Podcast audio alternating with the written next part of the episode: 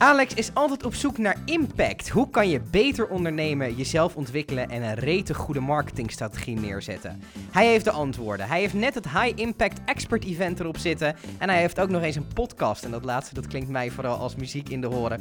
We gaan het uh, aankomende half uur gretig ondervragen in een nieuwe Passie Podcast.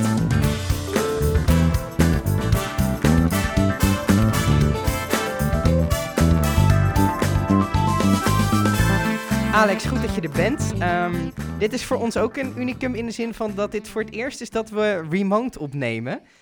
Virtueel in het nieuwe normaal. Ja, we zijn nu uh, het nieuwe normaal een klein beetje aan het, uh, aan het stimuleren. Um, ja. Nou, dan ga ik zeggen, tof dat je er via Zoom bij bent. Um, impact maken, wat, wat versta je daar precies onder? Impact maken is zowel naar binnen als naar buiten. Dus ook impact maken in je eigen leven. Mhm. Dus dat je heel goed weet wat je doet, waarom je het doet. En dat je doet wat je leuk vindt. En niet alleen maar omdat je het kan. Dus op jezelf maak je ook een impact. Hè? Dus constante groei. Mhm. Maar ook naar de buitenwereld toe. Dat je niet alleen maar iets doet om geld te verdienen. En uh, ik vind het allereerst hartstikke leuk om in deze podcast te zijn. de Passie Podcast. Ooit ben ik begonnen met de podcast Ondernemerspassie. In, uh, in 2015 was het alweer. Mm Je was er vroeg bij. Dat was dat was, ja, dat was een beetje een kopie van uh, Entrepreneur on Fire uit Amerika. Mhm. En ik vond het een heel leuk idee. Dat was, uh, hij, uh, even zijn naam kwijt, John Lee Dumas. En die interviewde iedere dag zelfs een ondernemer. Mhm. En ik raakte daar zo van geïnspireerd. Dus ik dacht, ik ga dat ook doen. Dus inderdaad, in 2015 was ik al begonnen met podcasten. En het is uiteraard wel een stuk later dan de godfather van podcasting. Je weet wie dat is, toch? Dat is Adam Curry. Die was er, Adam eh, Curry. Die was er in uh, eh, 2004 of dergelijke was hij er al bij van... Hey, ik heb zo'n mooie iPod en ik kan er alleen muziek op luisteren. Terwijl ja, dat gesproken woord element van radio is juist ook zo vet. Um, Je zegt um, het format wat, wat ik voor mijn podcast hanteer, um, dat, dat, dat deden ze in Amerika, deden ze dat al. Merk je dat ideeën die in Amerika worden bedacht hier in Nederland eigenlijk ook heel goed werken? Uh, uiteraard. Uh, Amerika die loopt net iets voor. Mm -hmm. Dus uh, ik was in 2015 dacht ik ook al van laat ik iets meer met podcast gaan doen, maar Nederland was er nog niet klaar voor, mm -hmm. merkte je. Ja. En dat had deels te maken met ja, de populariteit. ja, het, het, duurde gewoon nog eventjes. Terwijl in Amerika was het al volop aanwezig. Ja. En nu zie je ook met de Joe Rogan podcast. Ja. De grootste podcast van de wereld. Mm -hmm. Joe Rogan is begonnen in 2009. Die deed, die deed er ook video bij, maar die heeft uh, ja, pas een deal gemaakt met Spotify uh, voor meer dan 100 miljoen. Ja, hij is, daar niet, hij is daar niet armer van geworden van die deal. Nee, wa waarom, waarom denk je, als we dat dan weer even terug vertalen naar, naar impact maken, is podcasting, en dan ga ik nu even voor heel erg eigen parochie preken, uh, begint dat een steeds belangrijker onderdeel te worden? Uh, nou ja, wat ik heb. Kijk, ik ben zelf echt een mega podcastluisteraar. Ik ben begonnen ik met audiobooks. Ja. Ja, dus uh, ik weet dat ik niet zoals iedereen ben. Ik, heb ook, uh, ik ben ook heel ADHD-erig. Mm -hmm. Dus ik heb constant, uh, ja, ik wil, ik wil constant nieuwe input hebben. Dus ik ben ook steeds maar nieuwe dingen aan het leren. Als ik aan het afwassen ben, als ik gewoon huishoudelijke kwijtjes. Ik loop naar de winkel toe, ik heb altijd deze oordopjes in. -huh. Dus voor mij is het ideaal. Dus ik was constant aan het luisteren naar audiobooks. En op een gegeven moment ontdekte ik dus podcast. En volgens mij was het van, van Patrick Kikker. Mm -hmm. Ja. Ik weet niet of je die uh, ja, kent, die was er ook mee bezig. Ja. En ik, ik, was op zoek naar, de, naar iets over ADD toevallig. En toen -huh. kwam ik op zijn podcast uit. -huh. En zodoende is eigenlijk de bal gaan rollen. -huh. Dus toen kwam ik erachter van, wow, er zijn heel veel podcasts. ja. Inderdaad, van die Amerikanen. Ja. En het mooie is dat je, het leuke vind ik, dat je te maken met uh, ja, intieme, intieme gesprekken. Ja. Ook vaker, het is heel dichtbij. En je bent echt urenlang aan het luisteren naar... Dezelfde persoon. ik dan. Ja. Ja, is dat, is dat de reden waarom je als bedrijf met een podcast impact kan maken? Omdat het zo persoonlijk is? Het is uh, super laagdrempelig en persoonlijk. En je kan heel veel toegevoegde waarde bieden. Kijk, met een film moet je toch kijken. Je moet er toch de tijd voor nemen. Ja. Wel, eigenlijk ben ik met, uh, met, ja, met, met YouTube... zet ik hem ook wel eens aan en luister ik alleen maar. Mm -hmm. Maar met maar ja, je kan dan eens goed eigenlijk die podcast opzetten. Want het gaat voornamelijk om de audio. Yeah. Uh, in mijn geval, wat ik ook leukste vind. Ik ben nu wel aan het experimenteren ook weer met video. Want ik ga dat er ook bij doen. Dus eigenlijk wordt het dan toch weer gewoon videocontent? Uh, uh. Nou ja, het is erbij. Ja, het Kijk, is... het gaat om dat no, like and trust. Mm -hmm. En dan ga je toch ook de mensen zien. Maar mm -hmm. het hoeft niet. Nee. Kijk, en je kan... Uh, kijk, het ligt er maar aan, hè. Kijk, voor bedrijven, als je zegt van, nou, ik wil... ik zal eens vertellen waarom ik met die van mij ben begonnen. Want mhm. ik, ik verhuurde mezelf eigenlijk als ZZP'er in de bankwereld als uh, consultant. Ja, dus want laten we... op in de consultancy. Laten we die even een stapje terugpakken. Want ik zat jouw LinkedIn te bekijken voor dit gesprek. Uh, jij hebt eigenlijk... Je hebt, je hebt best wel veel dingen gedaan. Je bent begonnen als hoofdagent uh, bij de politie. Wat een totaal ander ding is dan wat je nu aan het doen bent. Toen ben je hypotheekspecialist geworden. En toen ben je de content marketing kant op gegaan. Hoe is het proces voor jou gegaan? Ja, het is wel leuk om, uh, om het begin uh, te zien. Het was inderdaad in, uh, in 2003. Ik dacht, ik wil iets betekenisvols doen. Dus ik dacht, ik ga naar de, ik ga naar de politie toe. Ja. Weet je wel, Miami, Miami Vice gezien. Mm -hmm. Dus ik dacht... dat ga ik ook doen. Dat gaan we doen. Ja. Um, alleen wat... Dus ik heb daar echt de mooiste verhalen van... ja, de mooiste verhalen komen daar vandaan. Het, het komt niet eens in de buurt van wat ik nu meemaak. Het zijn ook leuke dingen, maar dat is zo anders, zo stressvol. Mhm. Weet je, ik zat op één en twee meldingen, dus dan kom je aan bij mensen die in hoge nood zitten. En dan zie je pas hoeveel erge dingen daar eigenlijk gebeuren in Nederland. Uh, je ziet heel veel zie je gewoon niet op het nieuws. Nee. Er gebeuren echt hele erge dingen. Zelf, zelfmoorden, maar ook verwaarlozing van kinderen. Ja. Ik vond het, als je het hebt over impact op mijn leven, het was heel impactvol. Ja. En waar ik de meeste moeite mee had, was om het, uh, om het los te laten. Hmm. Dus je had op een ehm. gegeven moment zoiets van: het is zoveel narigheid dat, dat ik, wil, ik wil iets positievers gaan doen. Ja, en vooral ook uit mijn, uh, mijn jeugd. Ik heb niet een al te beste opvoeding gehad. Mhm. Dus dat hielp ook wel mee. Uh, van, ik vond het heel moeilijk om bij gezinnen thuis te komen waarin de kinderen bijvoorbeeld mishandeld werden. Mhm. Of uh, ik kwam een keer bij een, een, melding en dat was gewoon een, een hond blafte hard. Kom binnen. Nou, ik kom eraan. Ik was toen een jaar of 27, begin 2000. Ik doe de deur open, komt opeens een man naar buiten rennen met bloed op zijn shirt. Super agressief. Ik denk, wat is hier aan de hand? Komt opeens een vrouw erachteraan. Hé, hey, nee, hij is gewoon een beetje dronken, niks aan de hand. Ook bloed op zich. Mm -hmm. Nou ja, dat kon natuurlijk niet. Van, hè, moeten ze verder gaan kijken van wat, wat gebeurt hier nou? Wat blijkt nou? Deze man was heel vaak dronken en die mishandelde zijn vrouw en kind. Ja, ja. Dan zei het op een gegeven moment dat ze teruggestoken met een mes. Ja. En wij kwamen dan op dat moment binnen. Dus ik ben naar binnen moeten gaan. Uh, en heb toen ook inderdaad die man moeten arresteren. Mhm. Maar echt heel tragisch. En een kindje wat binnen zat, uh, weet je wel, die ze, waarbij zijn vader moest worden afgevoerd. Ja. Heel veel agenten. Nou, ik weet niet, het is misschien wat heftiger, maar het zelfmoordpercentage onder agenten is heel hoog. Ja. Ik heb er maar vier jaar gezeten, maar ik vat het wel. Want er mhm. gebeuren zoveel heftige dingen. Dat je kan dat. Dus ik kon het, ik kon, ik kon het niet loslaten. Ik, ik zat er echt mee als ik thuis kwam ook van wow, weet je, omdat je je kan het nooit, nooit helemaal afronden. Je komt altijd maar in gedeelte. Mm -hmm. uh, bijvoorbeeld zo'n situatie, maar je weet niet hoe de afloop is. Je weet ook, eh, soms loopt het in een rechtszaak niet zoals het eigenlijk zou moeten lopen. Ook dat. Ja. Maar het kan ook zijn dat iemand niet wordt, uh, niet wordt gearresteerd. Ja. ik weet nog, bij, bij een kind bijvoorbeeld, wat werd mishandeld door de vader. Mm -hmm. Dus ook echt, misschien een naar onderwerp, maar het gebeurt, hè? Ja, tuurlijk. je was gewoon een, een pedofiel. Ja. En die kreeg op een gegeven moment maar zes jaar. Of nee, zes maanden. Dat je denkt, jezus, dat slaat helemaal nergens op. Toen dacht ik, hoe, hoe kan dat? Dus, ik, hè, dus ik ben altijd heel onderzoekend. Mm -hmm. En toen kwam ik achter dat het heel vaak voorkomt. Dus ja, uh, ja ik kon het niet, ik kon het niet, uh, ik kon het niet loslaten. Ik dacht, mijn wereldbeeld wordt zo duister ja. hier. Ja.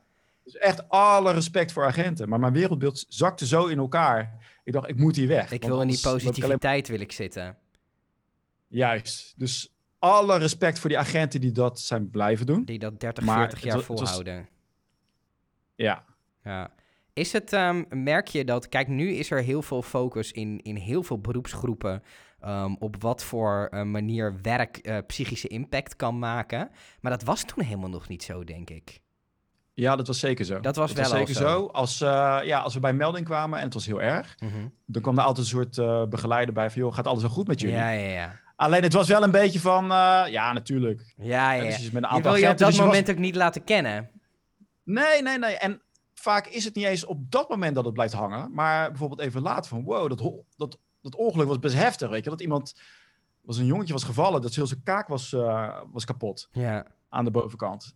En dat was heel lastig. Ja. En wat ook heel lastig was, was de emotionele schommelingen. Mm -hmm. Van dat ik iemand oppakte, een, uh, een misdadiger. En dan denk je van, wow, als ik een misdadiger oppak, dat is echt een, een agressief persoon. En dan, dan heb je een soort boosheid tegen. Ja. Maar wat merkte ik? Meestal waren het de meest aardige figuren. Ja, ja, en dan kom je ook in een soort intern dilemma van hoe voel ik me hier nou over? Het is heel raar. Die Quentin Tarantino in zijn films mhm. met Pulp Fiction heb je mhm. vast gezien. Ja, ja, zeker. Dan zie je ook dat de, de criminelen, John Travolta, Samuel L. Jackson, zijn gewoon aardige, aardige personen. Ja. Charismatisch. Ja. Dit is in het echt ook zo. Niet altijd, maar dat was ook heel erg raar. en daardoor ik onderbrak je. Nee, nee, nee, ga verder. Ik, ik hang aan je lippen, Alex. Nou, wat, wat, wat gebeurt er dan? Is dat jij, uh, het lijkt erop alsof iedereen buiten in je omgeving kan een crimineel zijn of de meest erge mhm. dingen doen. Ja. Weet je wel, normaal heb je altijd een soort beeld van, oké, een crimineel ziet er zo, zus en zo uit. Mhm. En wat blijkt? Nou, het zijn de meest, de meest aardige mensen. Ja. Ongelooflijk wat die allemaal doen. Ja. En is dat voor jou, is dat misschien voor jou het zaadje geweest waardoor je nu doet wat je nu doet? ik ben gaan zoeken van wat, wat vind ik leuk. Ik hou, ik hou ervan om mensen te inspireren. Mhm. Eh, wat ik ook merkte is, ik ben altijd heel strategisch met nadenken van over waarom gebeuren dingen die gebeuren. Dat deed ik bij de politie ook. Yeah. Daar, werden ze, daar werden ze niet blij van. Hmm. want ik zag bepaalde prioriteit. Ik dacht, waarom uh, ligt hier de prioriteit op, uh, op bonnen schrijven en niet op een inbrakengolf, ik noem maar wat op. Mhm. Ik was altijd wel die persoon die, die anders was, die anders dacht. Mhm. Dus dan werden ze daar binnen. Het is een beetje een, ja, een hele hiërarchische omgeving. Ja, daar werden ze niet blij om. Ja. Ik, ben, ik heb toen gekozen om inderdaad uh, de bankaire wereld in te gaan. Mhm. Omdat het me dat ook interessant leidde. Ook te maken met mijn opleiding. Mm wat, voor opleiding heb je gedaan? Uh, financieel. Ja, oké. ja. ja, bank- en verzekeringswezen eigenlijk voor, voor HBO. Mm en ik vond, het, ik, vond het, ik vond het proces gewoon heel leuk in het, weet je, het bankaire stelsel, hoe dat ging. Maar ook daar was ik weer zo'n beetje zo'n vreemde eet in de bijt. Want? Dus ik was, con ik was constant bezig met, oké, kunnen we dit beter maken? Van, hoe kunnen we die sales... Uh, ja, in die tijd was, uh, dat is net voor de hypotheekcrisis. Mm Toen merkte je dat hypotheken, die werden aan Jan en allemaal gegeven. Ja. En ik dacht al van, dit klopt niet. Dit Mhm. zit niet goed. Mhm. Weet je, dus ik had een soort interne strijd erin. Dus ik wilde wel verkopen, maar ik, zat, ik was veel meer procesmatig bezig Mhm. op dat gebied. Dus ik vond de sales heel leuk. Dus ik was altijd nadenken, oké, hoe kunnen wij ehm, het product eh, hypotheken makkelijker en duidelijker maken om uit te leggen? Want de meeste mensen snappen er gewoon niks van. Nee, die willen gewoon een huis is- kopen en dat hele hypotheek Ja, heb je geen zin in. Dus, Ja. dus ik was al helemaal bezig. Ik had hele schema's gemaakt met hoe kan je dat met, eh, met visueel maken. Hoe kan je ervoor zorgen dat, eh, dat je mensen al veel meer informatie geeft. Alleen dan merk je dat binnen de bank, dan ben je daar veel meer ja, rigide in. Van, ja, Mhm. dat, dat willen we niet. Nee, Maar ik vond, ik vond het wel leuk om te doen. En ik had altijd goede gesprekken met mensen. ja. Eh, Je leert een hoop mensen kennen en op een leuke manier natuurlijk ook. Se- serieus, ja. Ja. Alleen toen dacht ik van, nee, ik moet, ik moet echt iets eh, voor mezelf gaan doen. Maar ik heb toen ook wel, eh, ik ben niet meteen de marketing ingegaan. Ik heb ervoor gezorgd, nou, binnen de bankaire wereld, om mezelf eigenlijk te verhuren binnen verschillende banken. Mhm. Je krijgt er een erg leuk uurtarief. Ja, dat zeker. Financiële wereld Als is consultant. Ja, ja, ja, Ja. ja. Maar kijk, en daar kan jij misschien ook wel. Ik kon het goed, Mhm. alleen ik werd, ja, de, die passie ontbrak. Ja. Ik ben er wel in blijven hangen hoor. Ik had te maken met ook eh, met, met, met eh, twee jonge kinderen. Mhm. Ja. En ik was toch op zoek naar zekerheid. Ik had te maken met ja, moeilijke thuissituatie, scheiding ook Mhm. bijgekomen. En daarna dacht ik van, eh, nee, ik moet hier echt weg. Dus Ja. ik ben toen, toen inderdaad voor mezelf begonnen. Hoe lang heb je dat gedaan die, in, die, in, die, in die banksector? Nou, best wel een aantal jaar hoor. Ja. En eh, ook af en aan. Dus dan Want is het geld tijdje- toch wat je er een beetje in vasthoudt. Ah. Ja. Is dat, da is dat ehm, je bent nu in je communicatie daar best wel scherp op. Op te lang in een functie blijven vanwege het geld. Het is, je noemt het in, in de eerste zin die we hebben in dit gesprek. Eh, eigenlijk vertel je daarmee dus een beetje je eigen verhaal. Het is mijn eigen verhaal. Ik Ja. ken zoveel, zoveel collega's kende ik die vastzitten in een baan. En dus een Amerikaan heeft een heel mooi boek over geschreven, Bullshit Jobs. Eigenlijk banen die niet nodig zijn en waar heel veel bureaucratische eh, beslissingen in worden gemaakt. Je bent maar aan het, je bent allerlei opdrachten aan het doen, allerlei meetings aan het houden. Iedereen doet wel wat, maar het uiteindelijke resultaat, je wordt er niet, je wordt er niet warm van. Nee. Weet je wel? En het geld, het is echt die gouden handboeien. Want als je eenmaal dat leuke salaris krijgt, Mhm. Dan is heel moeilijk. Nou, ik nu ook, hè, met kinderalimentatie. eh, Je gaat er ook naar leven alle, natuurlijk alle, alle kosten, je gaat er naar leven. En Ja. dat is zo gevaarlijk. Ja. Is dat wat je nu dan ook tegen... Nou, ik ben al 25, ik, ik woon nog in een huurwoning... en dus ik, ik heb nog veel flexibiliteit in de keuzes die ik ga maken. Is dat ook wat je een jonge generatie aan, uh, aanraadt? Zo van, ga nou niet uh, net naar je salaris leven... maar misschien er een beetje onder, zodat je wat meer ruimte hebt. Ja, ik heb een broertje van uh, nu 23, ja. een nakomertje. En ik zeg ook, hou je kosten laag. Ja. Een fout die veel mensen maken is ook omdat het nu... Hè, er is nu een mega huizencrisis. Mm -hmm. het is voor je, mensen zoals jij heel moeilijk om aan een uh, woning te komen. Nou, ik weet niet of het ook bij jou in de buurt is. Mm -hmm. En wat gebeurt er dan heel snel? Dan uh, kom je een leuke dame tegen en denk je, weet je wat, ik ga samenwonen. Mm -hmm. Want dan kan je wel dat huis kopen. Ja. Maar... Je hebt wel een relatie. heel vaak dat gaat heel vaak fout. Ja. En daar denk, ja, niemand denkt eraan. Uh, alleen dan, heb je, dan kom je, kan je het komen, komen zitten met een restschuld. Ik heb heel veel mensen gehad met een, een restschuld van een ton. Mm -hmm. en want nu is die huisprijs bijvoorbeeld heel groot. Ja. Maar die knalt omlaag. Dus het is vooral nu, ook al is het vervelend, let op je kosten. Ga niet leven naar je salaris. En een van de manieren om dat te doen is om te zorgen dat je een vast bedrag per maand al stort naar een andere rekening. Mm -hmm.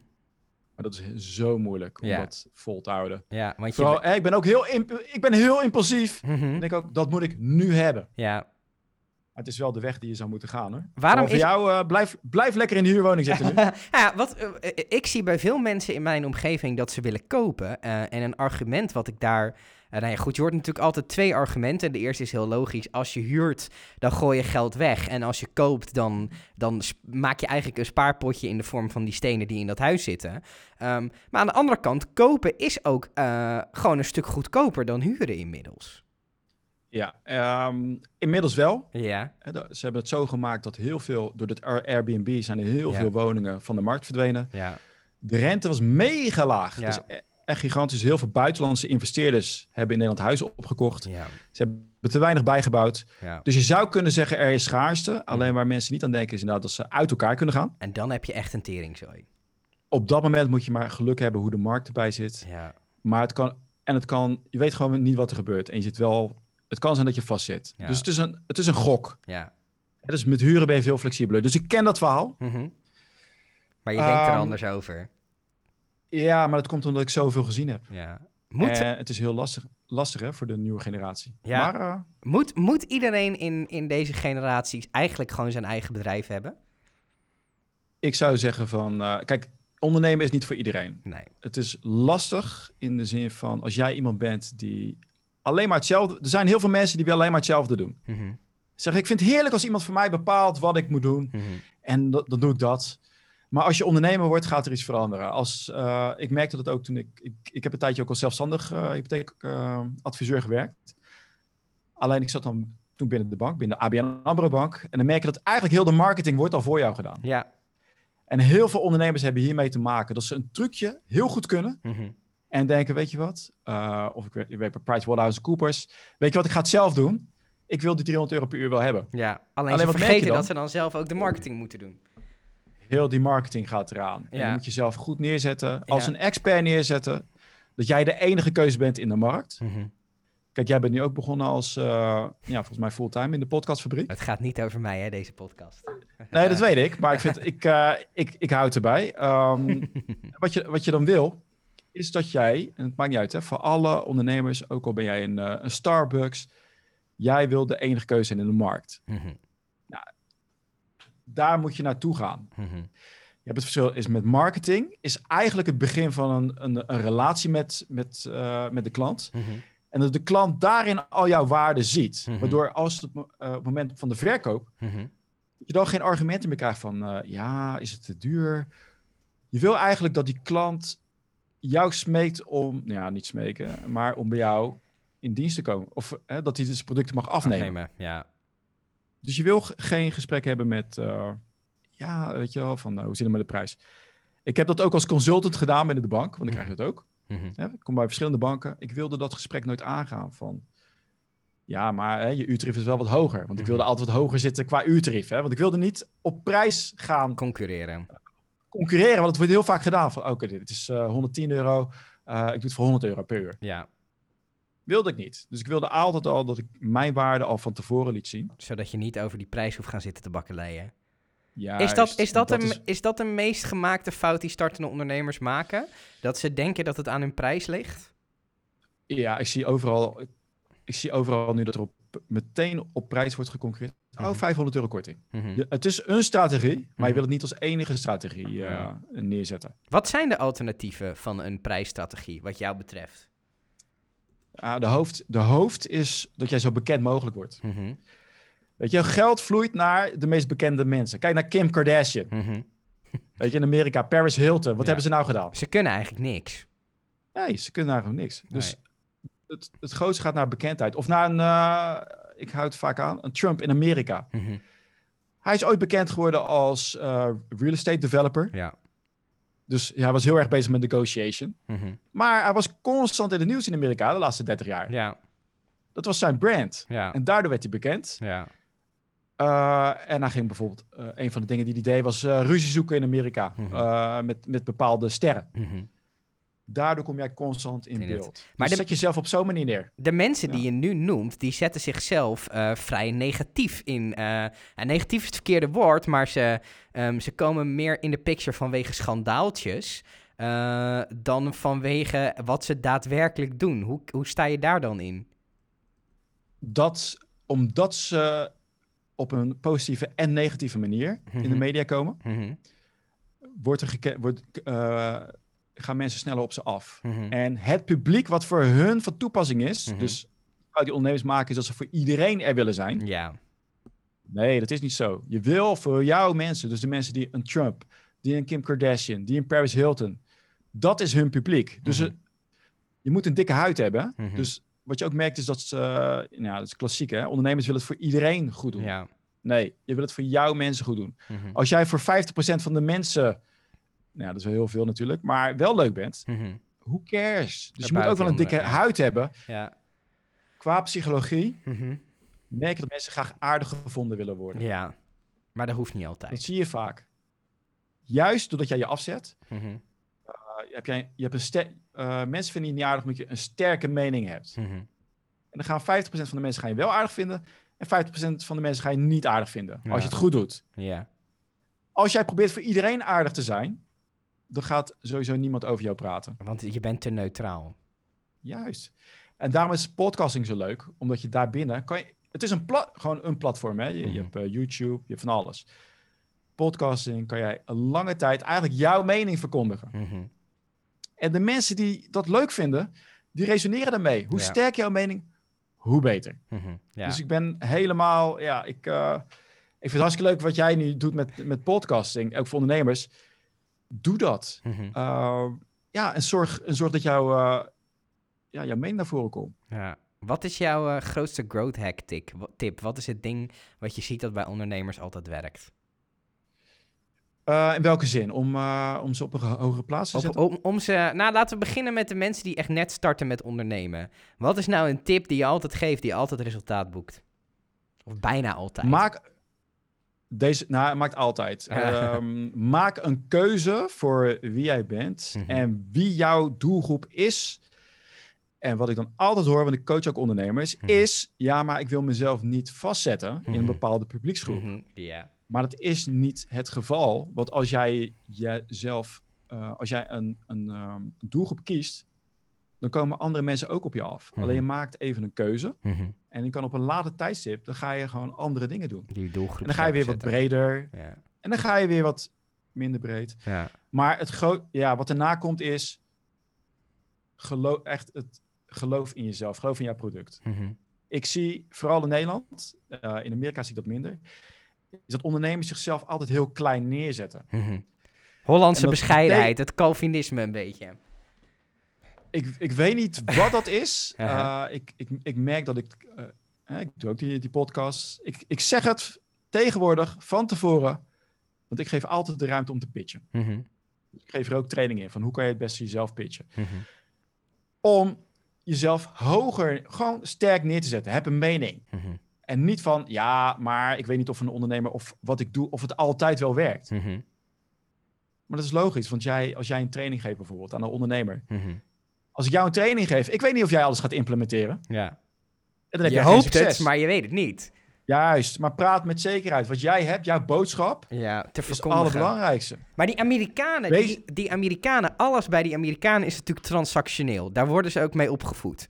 Um, Terwijl wij zijn hier toch, ik, ben, ik denk dat de meeste mensen om mij heen zijn opgevoed vanuit hun ouders, maar ook vanuit school, vanuit alles. Doe maar normaal, dan doe je al gek genoeg. Dat is heel erg onze erg, insteek. En erg? Aan, de ene kant, aan de ene kant zeker, zeker op zakelijk gebied, is dat natuurlijk een drama, want daarmee red je het gewoon niet.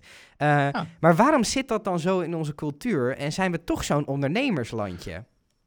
Omdat we vergeten zijn dat we volwassen zijn. Want dat leer je als kind. Dus ik, heb, ik heb twee dochters, zeven mhm. en negen. Leer die, leer, hoe, wat leer je die dan? Leer je die meer bescheiden te ah, zijn of meer om te verkopen? Nee, nee ik, lees, uh, ik lees heel veel, uh, hoe zeg je dat, uh, beïnvloedingstactieken. Mhm.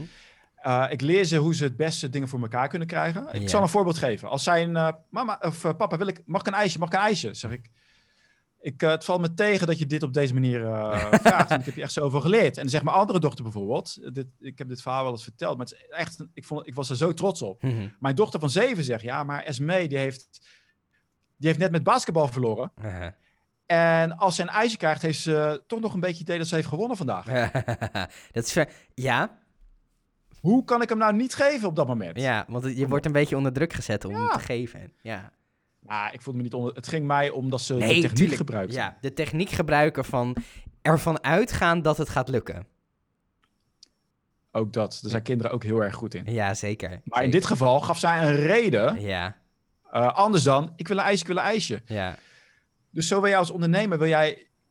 Kijk, je wil het... Ehm, je moet juist opvallen. Je moet juist gekker zijn. Je moet juist energieker zijn. Kijk, ik zit niet zoals ik nu zit te praten, zit ik niet altijd... Ben ik niet altijd Weet je mhm. wel, ik ben eigenlijk van nature ben ik heel introvert. Mhm. Maar als ik dat ga doen, ik zie heel veel podcasts waarbij er heel monotoon wordt gepraat mhm. en het is een beetje een zo'n gesprek. Ja. Ik word daar niet warm van. Nee. Maar dat zijn mijn mensen, dus andere mensen worden daar wel warm van. Ja. Dus dat kan. Ja. Alleen, je moet zorgen voor dat je ergens anders in bent dan de anderen. Mm In mijn optiek is het bij mij inderdaad mijn, mijn enthousiasme en mijn energie. En ik geef mensen ook toestemming om uh, wees niet, doe niet gewoon. Mhm.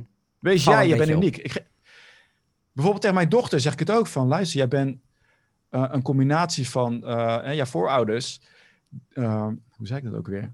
Jij bent het product van miljoenen jaren aan evolutie. Ja. Er is er maar één, er is er maar één zoals jij. Er is maar één zoals jij, Stefan. Ja, en wees daar trots op en doe daar wat mee. Juist, dat is wat jou leuk maakt. Dat is wat mhm. jou uniek maakt. Mhm. En vaak is dit voor ondernemers heel lastig, want zij denken dan, ja, maar ik heb toch een leuk product. Ja, en dat nee, verkoopt zichzelf. Mensen kopen, mensen kopen jou, mensen resoneren met jou. En toch, eh, wat ik het idee heb, misschien dat, daar, dat we daar de conclusie kunnen trekken over, uh, over dit probleem in Nederland, is dat in Nederland denkt iedereen, als mijn product goed is, dan kopen mensen het vanzelf wel. Ja. Zit ergens ook een, merk... een kern van waarheid in, denk ik. Uh, nou, ik, uh, ik, uh, ik denk het niet. Ja, misschien als je heel veel geld hebt om het. stel je even de situatie dat je totaal geen geld hebt om te marketen. Mm -hmm. Het zou kunnen dat er een product is wat zo goed is. Mm -hmm. dat je word of mouth krijgt, dat het automatisch op die manier maar gaat. Dat maar is eigenlijk ook marketing. Word of mouth is eigenlijk ook, is ook een marketingstrategie als je dat op die manier doet. Ja. Maar dan, is het, dan ben je daar ook bewust mee bezig. Ja. Uh, dan is het niet zo van, ik hoop dat mensen verder gaan stellen, mm -hmm. verder gaan vertellen. Mm -hmm. Maar dan is jouw strategie word of mouth. Ja. Uh, ik noem wat, een Dropbox. Mm -hmm die, die is zo begonnen. Hè? Ik weet niet of jij dat nog weet. Dan krijg je een mailtje met... Uh, als jij dit doorverwijst Dropbox, dan krijg je zoveel... Uh, je kreeg, je kreeg standaard 2 gigabyte. En als je iemand anders lid maakte... dan kreeg je... Het was toen echt 200 MB of zo. Maar goed, het was de eerste cloud service dienst. Dus je dacht, fuck yeah, 200 MB. Dat zijn toch weer 10 foto's extra. Ja, dus als dat jouw strategie is... Ja, dan... Uh, maar dit is natuurlijk ook een marketingstrategie. Je... Dus ook gewoon een strategie. Ja, ja. Ja, zeker. Ja, maar dan, dat, dat is dus niet van... Ze hebben niet gezeten van... Oké, we hebben Dropbox. Ja, hoe end. Ja, nee, ze hebben het. Ze hebben er toch referral strategie. Referral strategie is de, me, de allerbeste als je die voor elkaar kan krijgen. Ja, dat mensen het aan elkaar gaan vertellen op een informele manier. Ja, maar je moet wel zorgen dat je daar een aantal strategieën voor hebt. Omdat een standaard iets, uh, om daar een standaard iets van te maken. Ja. Dus maar, dan is het ja, uiteindelijk toch een strategie. Ja, nee, maar dan wel als je dat doet, is de strategie. maar het is anders dan, hè? het is anders dan, uh, oké, dit is mijn product uh, succes. En ik zie het wel, ja. Ja. Um, laatste onderwerp die ik wil aansnijden in deze podcast. Um, jij hebt net een, uh, een paar gave dagen gehad, geloof ik. Inderdaad. Kan je er iets over vertellen? Ja, um, wat ik merkte is dat heel veel ondernemers die laten het niet merken, maar die coronacrisis hakte echt in. Heel veel omzet knalt achteruit. Mm En ik wilde iets doen om terug te geven. Zit daar ook een commerciële bedoeling achter? Jazeker. ik ben begonnen met het uh, High Impact Expert Event. Ja. Um, wat het eigenlijk is, is een aantal podcasts die ik sowieso al deed. Mm -hmm. En wat ik eigenlijk een beetje heb laten verwateren, maar ik ben er nu 100% weer aan het, uh, op aan het inzetten. Ja. Yeah. Uh, in de vorm van een event. En dus gelijk een tip voor jouw luisteraars die een podcast willen beginnen. Mm -hmm. Maak er een event van. Mm -hmm. Daardoor gaat de perceived value, die stijgt daardoor. Omdat het een beetje live-achtige vibe heeft. Het heeft een live-achtige vibe en gaat de waarde van zo'n podcast ga je omhoog knallen, ja. omdat je er een event van maakt. Het is als jij gewoon, van. Als jij een event hebt, of een uh, normale podcast, kan het zijn van, oh, gewoon weer een aflevering. Ja. Maar nu maak je er echt iets van in een, uh, ja, een event met een uitkomst. Mm -hmm. En het ging erom van, hoe ga je je positioneren als een expert? En hoe zorg jij dat je klanten naar je toe krijgt? B2B, B2B, B2C. Heel erg breed. Mm -hmm. En dat heeft een hele hype gecreëerd. Ik weet niet of je het gezien hebt op LinkedIn. Zeker. Heel veel leuke sprekers. En ook, ik, uh, ik heb mezelf gedifferentieerd door een, ook een aantal Amerikanen bij te halen. Mm -hmm. Bijvoorbeeld een Kevin Hogan is minder bekend in Nederland. Mm -hmm. Maar deze man is al 30 jaar bezig met uh, ja, uh, influence. Dus een ex-hypnotiseur. Maar hoe jij mensen... uh, Zover ja, kan krijgen. Dat, jou, dat ze van jou kopen. Ja. Dus ik heb een aantal echt hele gave gesprekken. En ja, het was een hele bus. Dus ik heb ook mijn e-maillijst daarvoor. Uh, is echt gigantisch geëxplodeerd daardoor. Lekker man. Juist. Dus ik zou het echt willen aanraden. Ik zit eraan te denken om hier een, uh, ook een, een cursus voor te geven. Met, uh, maar ik weet niet of ik dat ga doen. Maar het is in ieder geval hartstikke leuk. En ook heel veel goede feedback opgekregen. Wat is Waarom? het... oh, sorry. Ja? Nee, maak je eerst je verhaal maar af. Wat, je, wat je merkt is dat, dat het ook heel veel inspiratie geeft. Dat je weet van, oké, okay, iedereen is er hiermee bezig. En ik heb ook voor gezorgd dat tijdens het event, dus mm -hmm. tijdens mijn gesprekken met al deze experts, ook allerlei nieuwe mogelijkheden, juist voor deze coronacrisis, hoe we hier uit kunnen komen en hoe je als ondernemer niet vast gaat zitten, mm -hmm. maar ook kijkt naar andere uh, manieren om aan inkomen te komen. komen. Ja. En dat is heel gaaf. Ja. Wat, wat, is het, uh, de key takeaway als je kijkt naar al die gesprekken die je hebt gevoerd uh, daarin? wat was nou het ding waar je zelf even kippenvel van kreeg of dacht, hey, Kippenvel, dat is een groot woord. maar nee, we, maken het groot. Wel... we gingen het groot ja, maken. We maken Kippenvel we maken kreeg heel... je ervan. de, de, de sales tactiek van een... Nou, even op twee, uh, twee uh, niveaus. De sales tactieken van een Kevin Hogan en een Arnon Barnes mm -hmm. is ongekend. Ja. dus daar ga ik wel... Dit is ook wat ik geef, hè, van hoe kan je zelf het beste verkopen. Mm -hmm. Deze, dit zijn de meesters erin. Mm -hmm. En een key takeaway voor alle ondernemers ook die nu luisteren. Het maakt niet waar je in zit. Was een mooi voorbeeld van een, uh, een dame die was, zat in de makelaardij. Alleen nu worden er geen huizen gekocht. Dus wat ga je doen? Ja. Zij zorgde bijvoorbeeld voor dat zij een inzameling deed om mondkapjes, om geld bij elkaar te verzamelen om mondkapjes te regelen. Mm -hmm. Wat gebeurt er nou? Dus je kan van alles doen Mhm. wat nu meerwaarde geeft aan klanten. Want als deze crisis voorbij gaat, Mhm. mensen gaan haar misschien niet onthouden om haar uh, makelaardij. Maar wel van, oh, dat was die dame die dit en dit voor ons deed. Ja. Dus je geeft op die manier geef je heel veel. Wat niet eens te maken hoeft te hebben met wat jij doet als core business. Maar je naam komt wel op de voorgrond. Ja, en dat is belangrijk. ook dat. Va en een ja. andere is om ook uh, te gaan kijken naar uh, andere manieren om inderdaad om geld te, te, verdienen. En het kan zijn dat je als restauranthouder veel sneller ook uh, in de thuisbezorging gaat coaching en consultancy, dat je online programma's gaat starten. Kijk naar andere manieren. Ja. En, en, in plaats van dat je gaat stilzitten. En ik hoop dat de crisis overgaat. Eigenlijk, eigenlijk waarmee je dus ook weer zegt, wees een ondernemer. Je bent niet meer die gast in loondienst, je bent een ondernemer. Je hebt een crisis en je moet kijken hoe je er iets van kan maken. Nou, de fout gaat dus, wat is de ondernemer die creëert? Ja. En de grootste fout is dat heel veel ondernemers in Nederland zijn creëren. eigenlijk ZZP'ers. En eigenlijk, eigenlijk zijn het freelancers. Ja verkapte ondernemers zijn dat. Ja. Of uh, nee, verkapte, verkapte in loondienst. loondienst ja. En daar wil je vanaf. Ja. Dus dat is het grootste. Dus inderdaad voor iedereen. Ik heb het gratis gehouden. Ja. Ik zat, er, ik zat eraan te denken, want het model is vaak, oké, tijdelijk gaat voor die vier dagen en daarna uh, betalen. betalen. Ja. Ik vind deze afleveringen, die waren zo leuk. En het heeft ook een stukje te maken met branding voor mij. Mhm. Voor iedereen gratis beschikbaar. Waar kunnen mensen het vinden? Uh, highimpactexpert.nl. Ik zie ook de link geven. Helemaal goed. Als je inschrijft, meer dan 30 uh, afleveringen. Ik zou zeggen, kies gewoon welke jij het leukste vindt. Ja. En uh, ik ben er heel enthousiast over. En ik ben benieuwd welke event ik nog meer ga geven. Want dit smaakt wel naar meer. Lekker dus, man. Goed bezig ben je. Ik wil je super bedanken voor een hele leuke podcast. Uh, en ik ga je op LinkedIn in de gaten houden. Dankjewel. Zeker doen. Graag gedaan. Jij ook bedankt.